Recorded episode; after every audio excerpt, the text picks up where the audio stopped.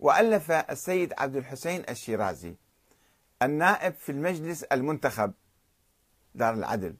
كتابا تحت عنوان المشروطة المشروعة وطرح فيه ضرورة أن يكون رئيس المجلس على الأقل مجتهدا عادلا جامعا للشرائط عند درجة أقل يعني مو مجلس آخر مهيمن لا.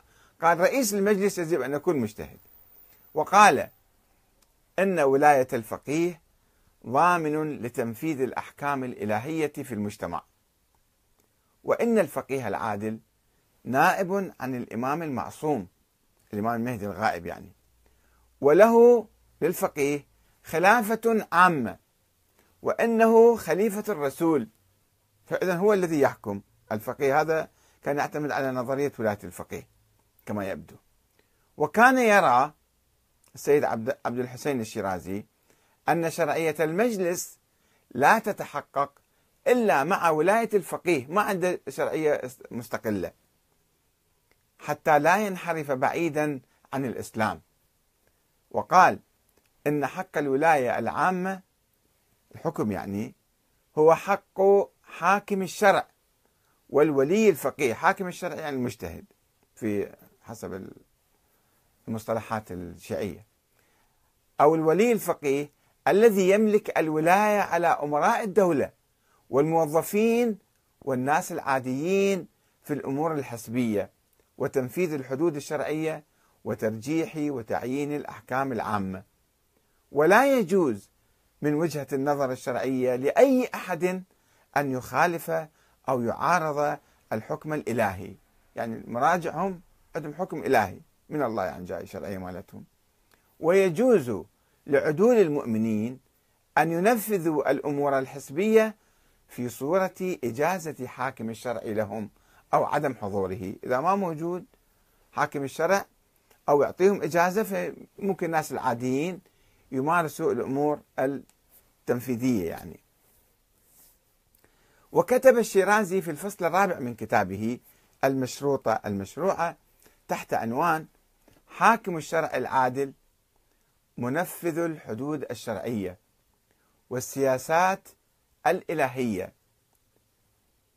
وكتب ما يلي تحت هذا العنوان إن ولاية تنفيذ الحدود الشرعية والسياسات الإلهية والأحكام التكليفية من كل جهة حق مسلم لحاكم الشرع العادل وليس لغيره.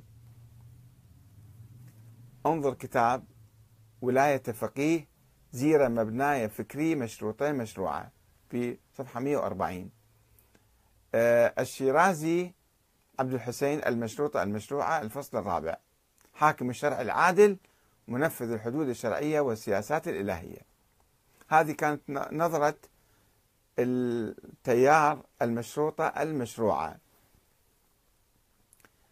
اللي آه هذا الانقسام وتصريح آه هذا التيار بقوة ضد المشروطة آه مهد لثورة مضادة في إيران بعد ما نجحوا في تأسيس دار العدل وإصدار الدستور.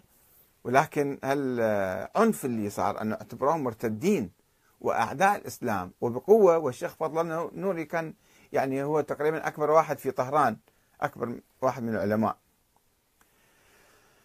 ونتيجة لذلك أيد الشيخ النوري الحركة المضادة للمشروطة والتي عرفت بالمستبدة المستبدة.